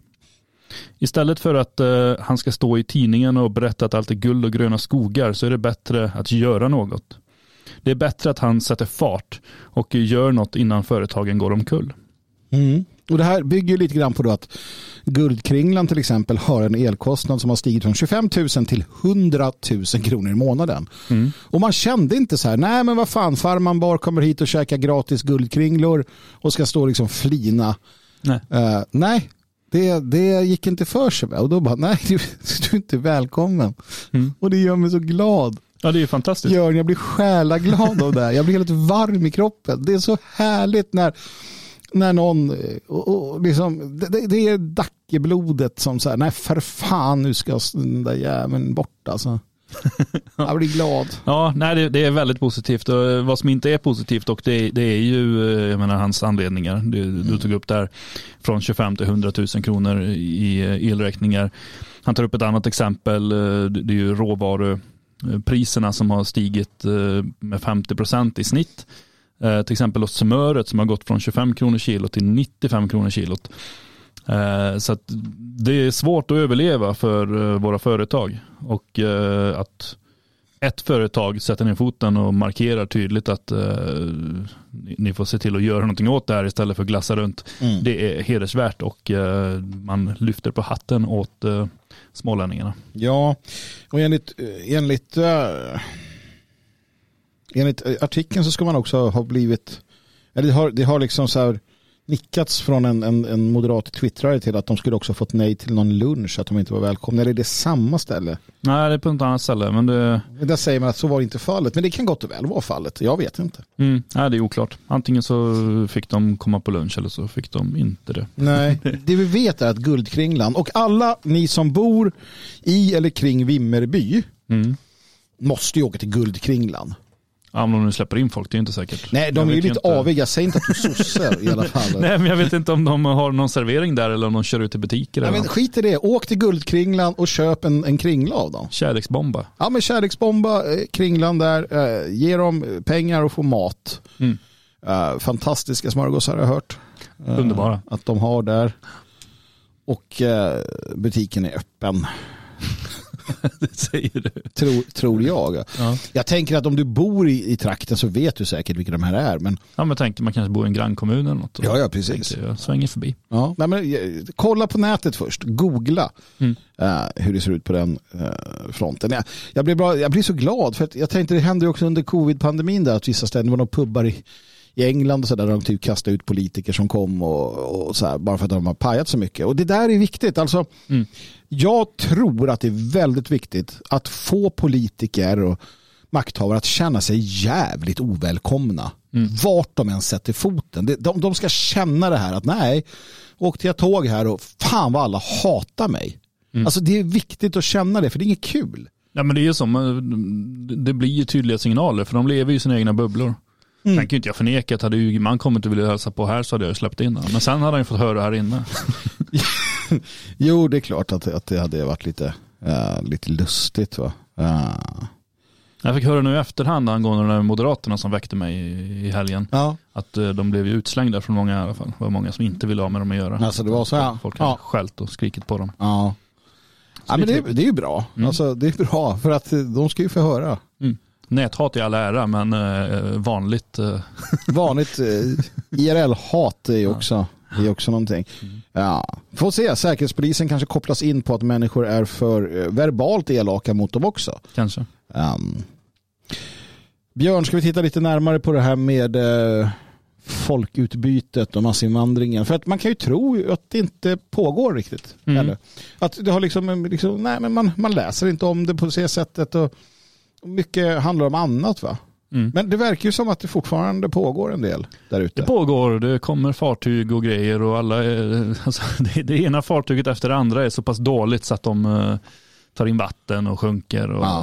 och då är det ju tur att det finns de här, uh, vad heter det, välgörenhetsorganisationerna som mm. åker runt och kämpar för mänskliga rättigheter som köper fin, fina båtar och ger sig ut till sjöss för att eh, plocka upp de som sitter på sjunkande skepp. Precis, alltså du har en flotta utav räddningsbåtar, alltså räddningsfartyg, till exempel då SOS Mediterranée. Jävla franskt eh, påhitt. Mm. Uh, som, som ägnar år, alltså nu på, på riktigt år ut och år in, de här blev ju aktuella under 2014-2015, mm. uh, ägnar sig åt att, att, som du säger då, rädda uh, människor i sjönöd. Mm. Um, inte riktigt så det går till. Ofta så, så telefoneras det eh, från eh, avresehamnen. Det här lärde vi oss under den stora, ja. den stora eh, krisen där. Så telefoneras det från avresehamnen att nu, nu är en båt på väg ut. Eh, kan ni plocka upp dem? Och så liksom så att, ja, då får de båten att gå Alltså vi har ju ena sidan, då har vi flyktingsmugglarna, de som tjänar pengar på det här, lurar av människor deras, alltså allt de äger och har, mm. så att de skuldsätter sina familjer och sånt där för att åka iväg unga män som ska söka lycka någon annanstans. Mm. i många fall ankarbarn då som skickas iväg först och sen kan familjen komma när de har fått stanna. Men inte alltid utan ibland är det bara män som skiter i sina familjer och drar. Eh, de får då hjälp av de här flyktingsmugglarna som det kallas. Det är ju inga flyktingar heller, människosmugglarna. Mm. Eh, som då ringer sen då till de här ideella organisationerna som ibland får statligt stöd men eh, ofta drar sig fram på frivilligt stöd från organisationer och människor som tycker att det här är ju jättebra att man räddar människor. Mm. Så då mm, går det från de som tjänar pengar på de här människorna till de som bara är dumma i huvudet som åker ut för att hjälpa dem. Vi vet ju också att till exempel George Soros Open Society Foundation har finansierat en hel del av den här äh, flyktingströmmen då med med äh, både människor, så anställda som, som slussar och hjälper till och visar och det, det är instruktionsböcker och det är webbsatsningar och allting. Mm. Jag kan bara konstatera här att den senaste båten vi känner till då var Ocean Viking, ett av de här SOS Mediterranean som då räddade eh, 466 migranter Eh, mm. som åkte runt på någon promjävel. Eh, och, och, det intressanta i detta är ju att det var uh, ganska många män. Var det det? För jag läste artikeln här att det var 21 kvinnor. Mm. Vet vi att de andra identifierar sig som män eller kan det varit något av de andra 900 könen? Det, det där kan nog ha ändrat sig när de väl satte, för att åkte, när de åkte över territorialvattengränsen till Europa, då förstod de kanske att de hade andra alternativ. Så kan det vara. Uh, en hel del av de här är också så kallat då, eh, ensamkommande. Mm. Och som man, man kan påvisa om och om igen eh, så är de sällan barn. Nej. Eh, eh som Skellefteåmonstret till exempel. Mm. Eh, och de är som i alla fall var betydligt äldre än vad som sades. Mm. Um, och uh, som sagt det är oftast män som så väller in. Um, och det här pågår alltså hela tiden, det fylls på hela tiden. Um, och, och, det där återkommer vi till med, med jämna mellanrum. Uh, ja, det är sorgligt i sig. Uh, därför så vill jag också bara uh, skänka en tanke och uh, ge en sån här. Jag hade gärna gjort en högre sån här och längre sån här mm. till våra grekiska kamrater. Eh, för att det är ett antal grekiska eh, nationalister som eh, nu utreds av polisen. För att de skulle ha då på något sätt strandsatt 21 stycken så kallade migranter på en öde ö. Och bränt deras båt. och bränt deras båt. Och sen sakta men säkert seglat därifrån. Och nu kan ju folk tycka att det är taskigt. Ja, och alltså det är taskigt mot dem men det är jäkligt schysst mot oss andra. Ja, det är det. Um, och, och, och, ska man få stopp på det här på riktigt, det finns bara ett sätt och det är att göra dylikt. Det bästa hade varit om, om eh, liksom, såklart eh, europeiska ledare, politiska ledare sa att eh, nej, det är stängt. Vi släpper inte in någon. De som är här ska vi börja skicka ut och så sänker man första, första flyktingbåten som kommer då är det slut på det hela. Um, det händer ju inte. Ja, och då är den här typen av um, handlingar, tycker jag, moraliskt motiverade. Sen ja. så ska man ju inte bryta mot lagen. Uh, men om lagen är olaglig, vad fan gör man då? Ja, eller om det till och med finns lagar som ingen bryr sig om. Alltså, menar, det, det, finns ju ingen lag som säger att de har rätt att komma hit. Nej. Till Europa. Så, så det, det tycker jag absolut att man måste få tänja lite. Precis, man måste få uh, tänja lite på gränserna. Bra i alla fall. Uh, Sovlaki på er alla greker. Eller ja, inte alla, men de som är bra.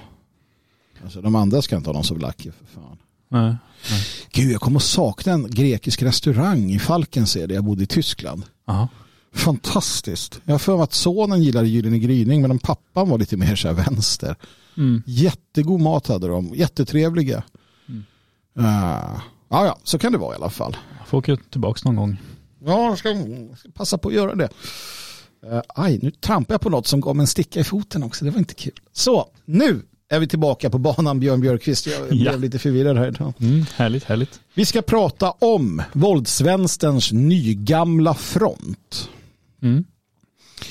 Och det med, för, med, med anledning av dagens aktion, eh, för det var en tidigare i morse. Ja, i morse ja. Absolut. Ja. Eh, I Stockholm. vid Västberga.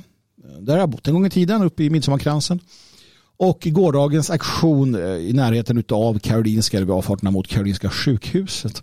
Och vad vi pratar om är klimataktivister, klimathysteriker, klimatextremister, vi pratar om Extinction Rebellion, vi pratar om Rädda våtmarken. Ja, och det finns en uppsjö av sådana här eh, Eh, frontorganisationer. De har olika namn och dyker upp lite här och där. Mm.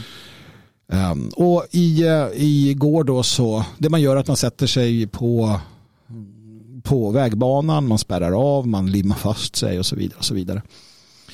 Uh, ja, Björn, vad tycker du om det till att börja med?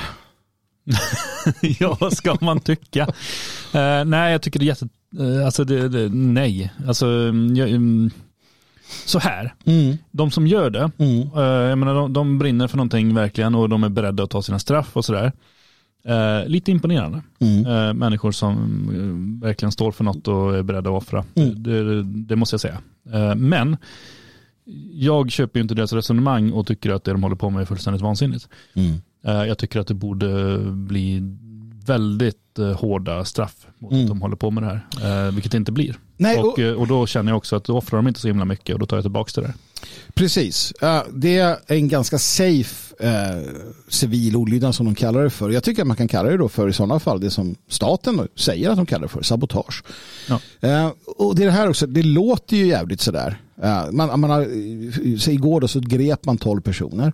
Mm. Eh, förundersökning om sabotage, brott mot ordningslagen och blåljussabotage. De två, sabotage och blåljussabotage, det är sånt där som man känner någonstans att det borde ligga jävligt högt upp på straffskalan. Ja, blåljussabotage kan ju ge upp till fyra år. Ja. Det är väl en ganska ny lagstiftning också har kommit de senaste åren när, när eh, ja, människor i invandrarområden håller på att kasta sten och eldat polisbilar och hindrat eh, brandkår från att komma fram och sådär. Mm. Så det, det, den är ju ganska ny. Jag tror inte den är prövad fullt ut. Men det, det ska jag låta vara osagt. Men det brukar inte ge några fyra år i alla fall. Mm. Nej, och sen, sen, så kan man ställa sig frågan, nu, nu har folk sumnar till, till och med Anders Lindberg på på Aftonbladet eh, tyckte att det var dumt. Ja, han sa till folk att nu får ni sluta. Ja, precis. Och politiker har rest upp och sagt åt andra att resa sig upp och gå till jobb istället och sådär. Men det är ju fortfarande så att eh, och det, är det jag tänker, till exempel, vart är alla de som klagar på att fotbollsmatcher kostar så mycket pengar? Mm. Uh, för att spärra av E4 eller E20 eller någon av de här huvudledarna in till Stockholm mm. Eh, som är den ekonomiska motorn i landet under bara liksom en halvtimme, en timme. Alltså de belopp ja. som, som alltså det är ofattbara belopp som så att säga tickar, tickar iväg här. Det är enorma summor och det blir ju, jag menar, det, det är inte bara, nu stod de väl i 40 minuter ungefär innan polisen flyttade på mm. dem. Uh, det, det, är ju inte i 40 minuter som trafiken står still sen, utan Nej. den står ju till still i timmar. Precis. Eller det blir i alla fall stopp i timmar längs vägen. Mm. Så är det ju. Och eh, igår då så var det också en ambulans som var på en prio 1-körning, det vill säga då är det, då är det fara på färde. Mm. Som fastnade i, fastnade i trafiken ja, på grund av det här som de håller på med. Ja. Och där kommer vi då in till det här för, för att du visar mig två filmer ja. här nu på morgonen. Ja. Eh, vilket, eh, vilket i sammanhanget gjorde mig tämligen eh, upprörd. Mm. Eh, och, och, den ena, eller den som var mest upprörande tycker jag, det är när, när de väl, då har de ju förhandlat med de här kommunisterna, ja. eller de här miljökillarna Precis. och flickorna, damerna, vad det nu är. Ja. Eh, så att man har sagt till dem att ja, men nu måste ambulansen få komma fram för det här är viktigt, någon håller på att dö. Mm. Och de bara, ja men då släpper vi bara fram ambulansen. Mm. Och polisen säger okej. Okay. Mm jag läste någonstans att de var fastlimmade i marken. Uh, tydligen var två det. Mm. De andra reser sig upp och går åt sidan. Uh, två bilar som är längst fram, de får köra förbi. Uh, och sen så kommer det några polisbilar som kör fram. En kör lite åt sidan, släpper förbi ambulansen. Polisen springer ut i vägen och så kör polisbilen bak igen för att hindra så att ingen mer kommer fram. Mm. Och sen får, får de här människorna gå och sätta sig igen. Mm. Vad fan är det för någonting? Det är polisen som tillsammans och i samråd med förbrytarna mm. ser till så att förbrytarnas förbrytelser kan fortsätta och effektiviseras. Ja, för plötsligt så blev det inte längre eh, de här människornas ockupation av marken där utan även polisens. Precis. Och, och där tycker jag då att eh, en, en advokat kan säga det att eh, nej men vadå blåljussabotage, vadå sabotage? Polisen är ju med på det här. De Ja. hjälper ju till. Ja. För att det går ju att ta armkrok på de här jävlarna och dra undan dem. Alltså det är ju inte svårt. Ja, men det är ju hur lätt som helst. Po- Polisen har ju rätt till det också. De har rätt att gå in och släpa bort dem. Det sitter ett tiotal människor på vägen. Ja, Två har tydligen lyckats limma fast. Hur fan limmar man fast sig? jag vet inte. Man... Det är också jättekonstigt. Men, men eh, strunt samma. Ta bort de åtta andra eller tio andra eller vad det var. Ja. Låt de där två sitta kvar en stund då. Mm. Eh, tills man eh, har kallat fram vad man nu behöver för att ta loss någon, Mm. någon, någon avlimningsmedel eller någonting. Men låt dem sitta där då bara. Det är väl bara att gå iväg. Mm. Råkar de bli påkörda, skitsamma. Det är väl ingen, ingen som kommer gråta över det. Nej, Eh, det blir väl en ny olycka dessvärre som kommer att precis. leda tid. till att det tar lite mer tid. Men de kanske lär sig också då. Mm. För att ge, ge tramsigt korta straff. Jag läser här eh, i, i den här artikeln som vi har framför oss som kommer från Dagens Nyheter. Mm. Så läser jag eh, målsättningen från polisens sida är enligt eh, Ola Österling, han i sin tur, ja, jag vet inte, någon form av polis. Ja, Press, eh, han, var, han var dialogpolis en gång i tiden. Han press, han var press, presstalesman tror jag. För Mhm. nu. Okej. Eh, enligt honom så är det i mesta möjliga mån att ha en dialog med aktionsgrupperna eftersom de har en rätt att uttrycka sina åsikter. Men man påverkar samtidigt, eh, man påpekar samtidigt att rätten att uttrycka sig fritt på en så hårt trafikerad motorväg i Stockholm är starkt tidsbegränsad. Precis, och det borde ju vara, obe, alltså det borde ju vara eh, totalt begränsad. Ja, det borde vara förbjudet. Alltså Ja. jag, jag, jag fattar att, att till exempel en demonstration som går på en liten gata i en liten stad kan pågå en, en period Mm. tills polisen känner att ah, men nu börjar det bli. Men här, att, jag menar, eh, aktivisterna själva säger det att i samband med att vi sätter oss på vägen då ringer vi polisen. Mm. Eh, när polisen väl är där, då lär det ju ha gått en kvart, Mm. tio minuter eller något. Då är ju deras tid över i så fall, om man nu ska tycka att de har rätt till någon tid. Precis. Eh, Men det, det borde de överhuvudtaget inte ha. Det där är ju så vansinnigt dumt. Och de är ju inte ute, alltså det är ju inte så att de är ute och manifesterar någon åsikt för att det är ju bara tio bilar som ser dem. Resten sitter ju bara fast i en kö. Mm. Nej men precis, det handlar ju inte alls eh, ärligt talat om att, att manifestera en åsikt utan det handlar om att förstöra. Sabotera. Sabotera. Mm. Ja, bland annat. Eh, vi kunde ju också se att det handlade lite om att tjäna pengar. Ehm, Ja, tydligen. Bland annat kunde vi få se lite klipp och klister från, från eh, Twitter där man hade rotat runt lite i de interna, eh, i de interna dokumenten eller chattarna eller vad det var för någonting och där kom vi fram till då Ja, att det var ju han gamla radioprataren, Kellerman som hade ja just det. Det var just det. underligt att han... Ja, att han gav sig in i den där. Men i alla fall då. Alltså, för det finns en annan film som visar tydligt hur då, eh, vad man kan misstänka vara eh, någon form av ledargarnityr för den här demonstrationen. Eh, som dokumenterar vad polisen gör. Sen så när det hettar till lite där så springer de iväg. Ja. Eh, och lämnar då, företrädesvis unga, några, några gamla tanter också, då, men man lämnar sina anhängare, då, sina följare, fastlimmade och, och frusna på, på vägbanan medan man själva tar sig i säkerhet. Alltså säkerhet från att bli gripen och, och lagförd och sen få dryga böter, vilket kan vänta alla de här. Mm. Eh, sen sitter man på chattar eh, och, och pratar om hur man ska kunna äska pengar i detta. Hur man ska kunna få in eh, liksom donationer så att de slipper arbeta. Som de skriver då att det är bra om de får in mycket pengar för då slipper de ha ett jobb. Mm. Um, och, och, och det måste man också förstå. Och då tänker man så att, ja men vänta nu, var inte det här ett gäng idealister som bara liksom sådär hux flux uh, skapade en, en, en mo- motkultur mot, eller en motståndsrörelse om du så vill mot, eh, mot det här som händer. Och, och, så, och det är nu vi kommer in på det här med, med våldsvänsterns nygamla front. För att jag drog mig till minnes en artikel som skrevs i mars i år Mm. utav Mattias Våg. Vem är Mattias Våg? Den cyklande. Ja, nej, men eh, Mattias Våg är en vänsterextremist. Mm. Eh, han är en veteran inom den vänsterextrema eh, våldsrörelsen. Mm. Han är eh, enligt uppgifter fortsatt en central taktiker och, och befälhavare inom denna rörelse. Han dyker upp i, i uh, internationella sammanhang. Han var i Tyskland, har varit åtskilliga gånger i Tyskland där det också då rapporteras från källor att han, han är i allra högsta grad inblandad i Eh, planeringar och genomförande av eh, våldsamma demonstrationer. Han är en eh, researcher som det kallas, grävare som det kallas. Han, han eh, nosar reda på vart människor bor. Eh, han eh, är med och förföljer och hänger ut människor. Eh, han har nära kopplingar till, eller är helt enkelt en del av det vi kallar för antifascistisk front och liknande. Han, han är utan tvekan en av de centrala gestalterna inom den här rörelsen i Europa. Mm. Han var ju med och startade antifascistisk aktion i Sverige. Ja. Och har ju varit, det är ju senast för några år sedan så syntes han som vakt vid en sån demonstration. Och så, mm. så han um, fortsätter. Han fortsätter och han är också uppburen. Det vill säga han, eh, han skriver på Aftonbladet. Han, eh, han, han har inga problem att, så att säga äh, finnas i båda världarna. Det vill säga den obskyra våldsvänstervärlden med terrorism och hat och hot och våld mot oliktänkande och i den mer anständiga eh, Aftonbladet kulturvärlden. Och, och Med hat och hot mot folk. Ja, precis. Fast lite finare och lite mer välformulerat. Mm. Eh, och han skriver då som en del av eh, Aftonbladets opinions, eh, kulturopinion en text i mars 2022.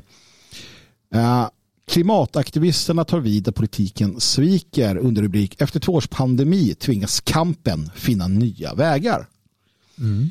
Och hela artikeln går ut på att, att resonera kring eh, klimatrörelsen uh, och vad som händer i, liksom, uh, i skenet av att uh, två år förlorats i, i pandemin när man inte kunnat agera. Då var man ju, då var man ju för totalitära förändringar av samhället i den vågen istället. Mm. och så tar han upp det. Men, men, det intressanta är att han, han resonerar lite kring hur det pågår då intensiva diskussioner inom klimatrörelsen. Vilken väg ska de ta? Uh, och, och, hur man ska liksom försvara sig mot uh, idéer om att det är en uh, ideologisk trojan för en socialistisk politik, vilket då högern hävdar att hela klimatrörelsen är liksom ett, ett, ett infest, är infesterat av vänsterextremister. Mm. och sen resonerar han lite kring det här med hur man, man ska arbeta som klimataktivister. Han hänvisar bland annat då till Andreas Malms bok How to blow up a pipeline. Att det har blivit en brandfackla och att man måste trappa upp sina aktioner. Han skriver inte att man måste det. Han skriver det på ett annat sätt. Uh, han, han, skriver om att... Uh, ja, han skriver att det, det, skrämmer fossilindustrin. Precis, det skrämmer fossilindustrin. Rörelsen har lyft upp den här boken How to blow up a pipeline. Och han skriver också att nu vilar allt på klimataktivismen. Precis. Så att det, det, det man underförstått förstår att det här är, det är marsch, marschorder, hävdar jag. Ja, men det, det finns många sådana formuleringar. Så 2022 kommer att vara ett viktigt klimatår. Mm. Uh, han skriver uh, det här kommer att bli ett valår späckat av demonstrationer. Han uh, skriver inte om framåt men väl om vad som hänt tidigare där han just lyfter fram olydnadsaktioner som någonting viktigt. Mm. han påpekar hur man i London har eh, lamslagit hela innerstan. Mm. Och, och, och, använt liknande metoder runt om. Man har stängt någon gruva och sådär. Så, så mm. det, det, är ju precis den här formen av aktiviteter som han uppmuntrar till. Precis, och, och att han lyfter då Andreas Malms bok eh, intressant i sammanhanget. Det är typ en, jag ska inte säga att det är en instruktionsbok, men där resonerar Andreas Malm kring behovet av att bland annat spränga eh, pipelines och att, att agera eh, våldsamt och militant. Mm. Uh, och han skriver då att 2022 kommer att vara ett viktigt klimatår, eh, som du sa där. Eh, och att så här, klimatrörelsen mobiliserar redan till demonstrationer och ett folkets forum. Vad fan det nu är. Ja, just det. De är ju folket. Det vet ja. vi alla. Uh, och han avslutade hela med att det måste finnas en rik mylla av nätverk och initiativ som pressar på underifrån.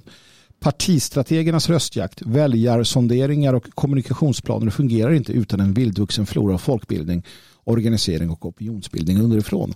Vägen till ett klimatval 2022 går därför via gatorna. Ja, via gatorna. Via gatorna. Här ger Mattias Våg, eh, denna veteran, eh, order till en, ett, en, en lös, lössläppt, en, en stor lös, i vissa fall annat andra fall väldigt organiserad eh, utomparlamentarisk våldsvänster. Det här är vad som gäller. Mm.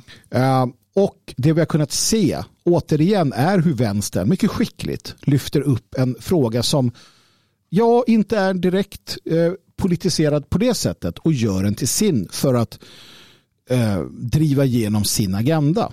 Ja men så är det Och jag menar uppmaningen alltså, att lyfta fram just Andreas Malms bok. Vem är Andreas Malm? Jo han är en av de främsta eh, syndikalistiska journalisterna i Sverige som har arbetat med, med den här formen av, alltså han är ju vänsterextremist fr från eh, födseln i princip. Nej, men väldigt eh, tidigt och väldigt länge har han ju arbetat just med sådana frågor och så har han hamnat nu då i miljörörelsen vilket då i viss mån Våg också tycks ha gjort även om Våg eh, fortfarande väldigt aktivt jobbar med de andra frågorna också. Precis. Och, och det gäller att ha lite, alltså har man inte har man inte, ingen insikt eller förståelse för hur vänstern fungerar så kan det bli knepigt. Man, man kan se man kan se klimatrörelsen, oj nu är det en massa, oj, nu är det en massa ungdomar som är rädda, oroliga för klimatet. Eller det kan vara liksom panta mer, det kan vara håll Sverige rent, det kan vara en massa saker och det har varit det genom åren.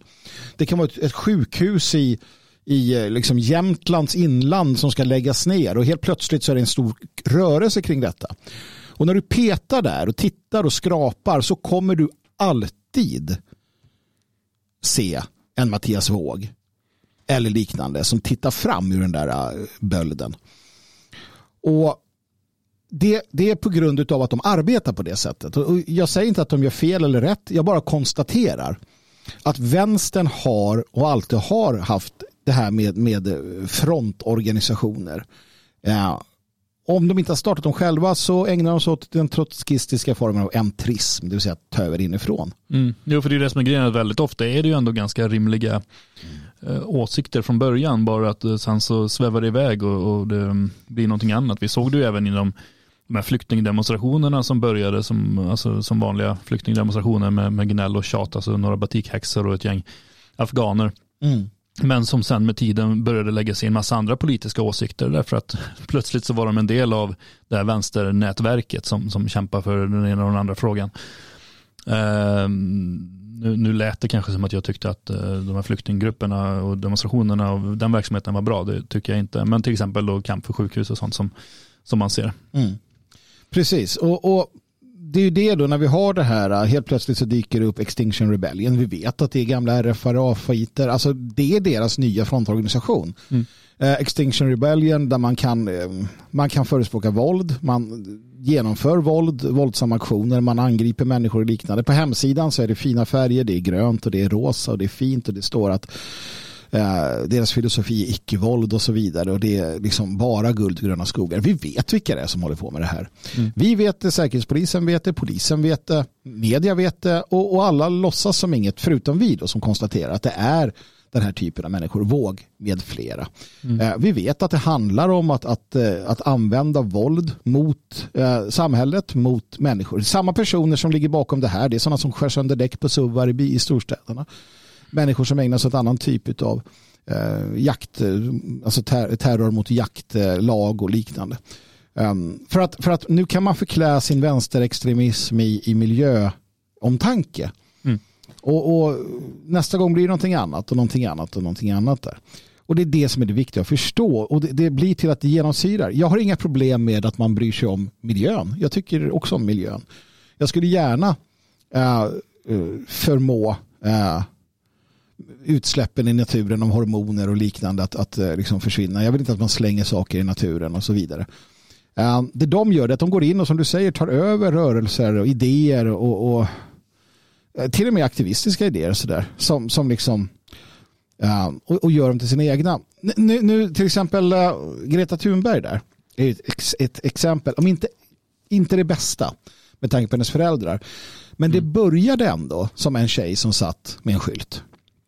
Ja, och, och det, det, finns, jo jag vet du skakar för huvudet, men, men man kan se det på två sätt. Vi vet att det fanns med från start i princip en, en, liksom, en, en plan. Det fanns en plan för detta. Ja. Men låt oss säga att du inte har den planen i huvudet, att du inte vet om den. Mm. Då börjar med en tjej med en skylt.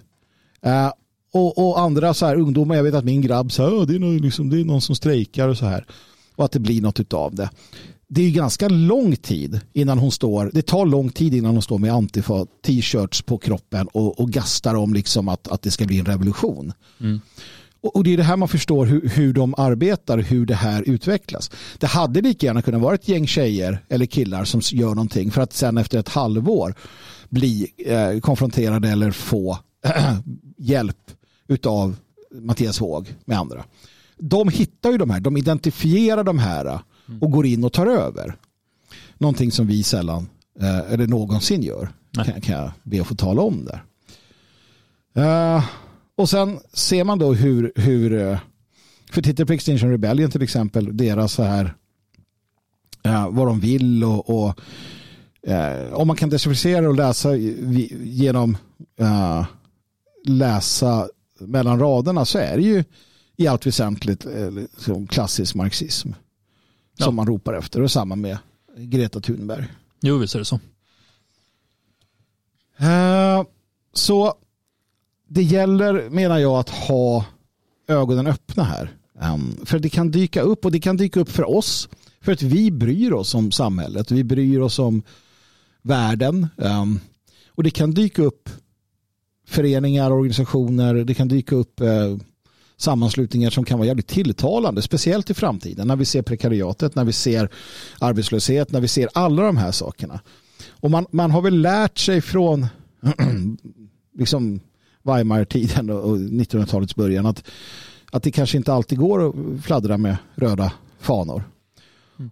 Uh, och då gör man på andra sätt. Och det är det hela, hela liksom, marxismen går ut på. Man tog över den liberala, alltså det, det som vi kallar för vänsterliberal idag, det, det, är ju sprunget ur en klassisk liberalism som togs över av marxister i USA. Mm. Vilket du kan läsa om i, i McDonalds bok där, kritikkulturen. Så vi vill eh, bara påpeka och påminna er om att så är fallet. Uh, vänstern har öppnat upp en ny gammal front i klimataktivismens namn. Mm. Fall inte för det. Nej, verkligen inte. Och sen ska man också komma ihåg där, alltså, vilket framgår i, i den här äh, brevväxlingen som har kommit fram där, att eh, vore det inte för att folk skänker pengar till dem så hade de ju inte kunnat stå där på gatorna och sabotera, jävlas. Eh, lite samma är det med oss. Vi skulle inte kunna stå här i radio och gnälla och klaga och ställa till med oreda om inte vi hade stöd från er. Precis, så att ge oss ert stöd och gör det genom att eh, donera, gör det genom att bli eh, stödprenumeranter, svegot.se går du gärna in på och eh, ser till att hjälpa till så mycket vi kan. Vi, vi, vi, vi håller fanan högt och vi håller flaggan eh, fladdrande i vinden. Det gör vi. Eh, sen idag, senare idag så kommer ett nytt avsnitt av På gamla och nya stigar med Jalle Horn och han gästas av en eh, oförskämt bra gäst den här gången sägs det. Näm nämligen jag ah. ska vara med och prata lite grann om eh, Bosse Schön och eh, hans eftermäle och eh, hans skrivande om eh, troll och tomtar och, och, gamla djur och andra spännande saker. Det är inte alls illa det. ser vi verkligen fram emot gör vi. Gick det bra idag eller? Jag tror det. Jag tror det. Hoppas att folk är lite nöjda med att vi genomförde också detta programmet. Vi är glada att ni lyssnade. Ja, men det är vi. Det, är det känns riktigt bra. Vi avslutar på en high note. Harry Brandelius, den gamla nationalisten. En eh, låt som heter Ge mig Småland. Tack för att ni lyssnade. Vi hörs imorgon 10.00.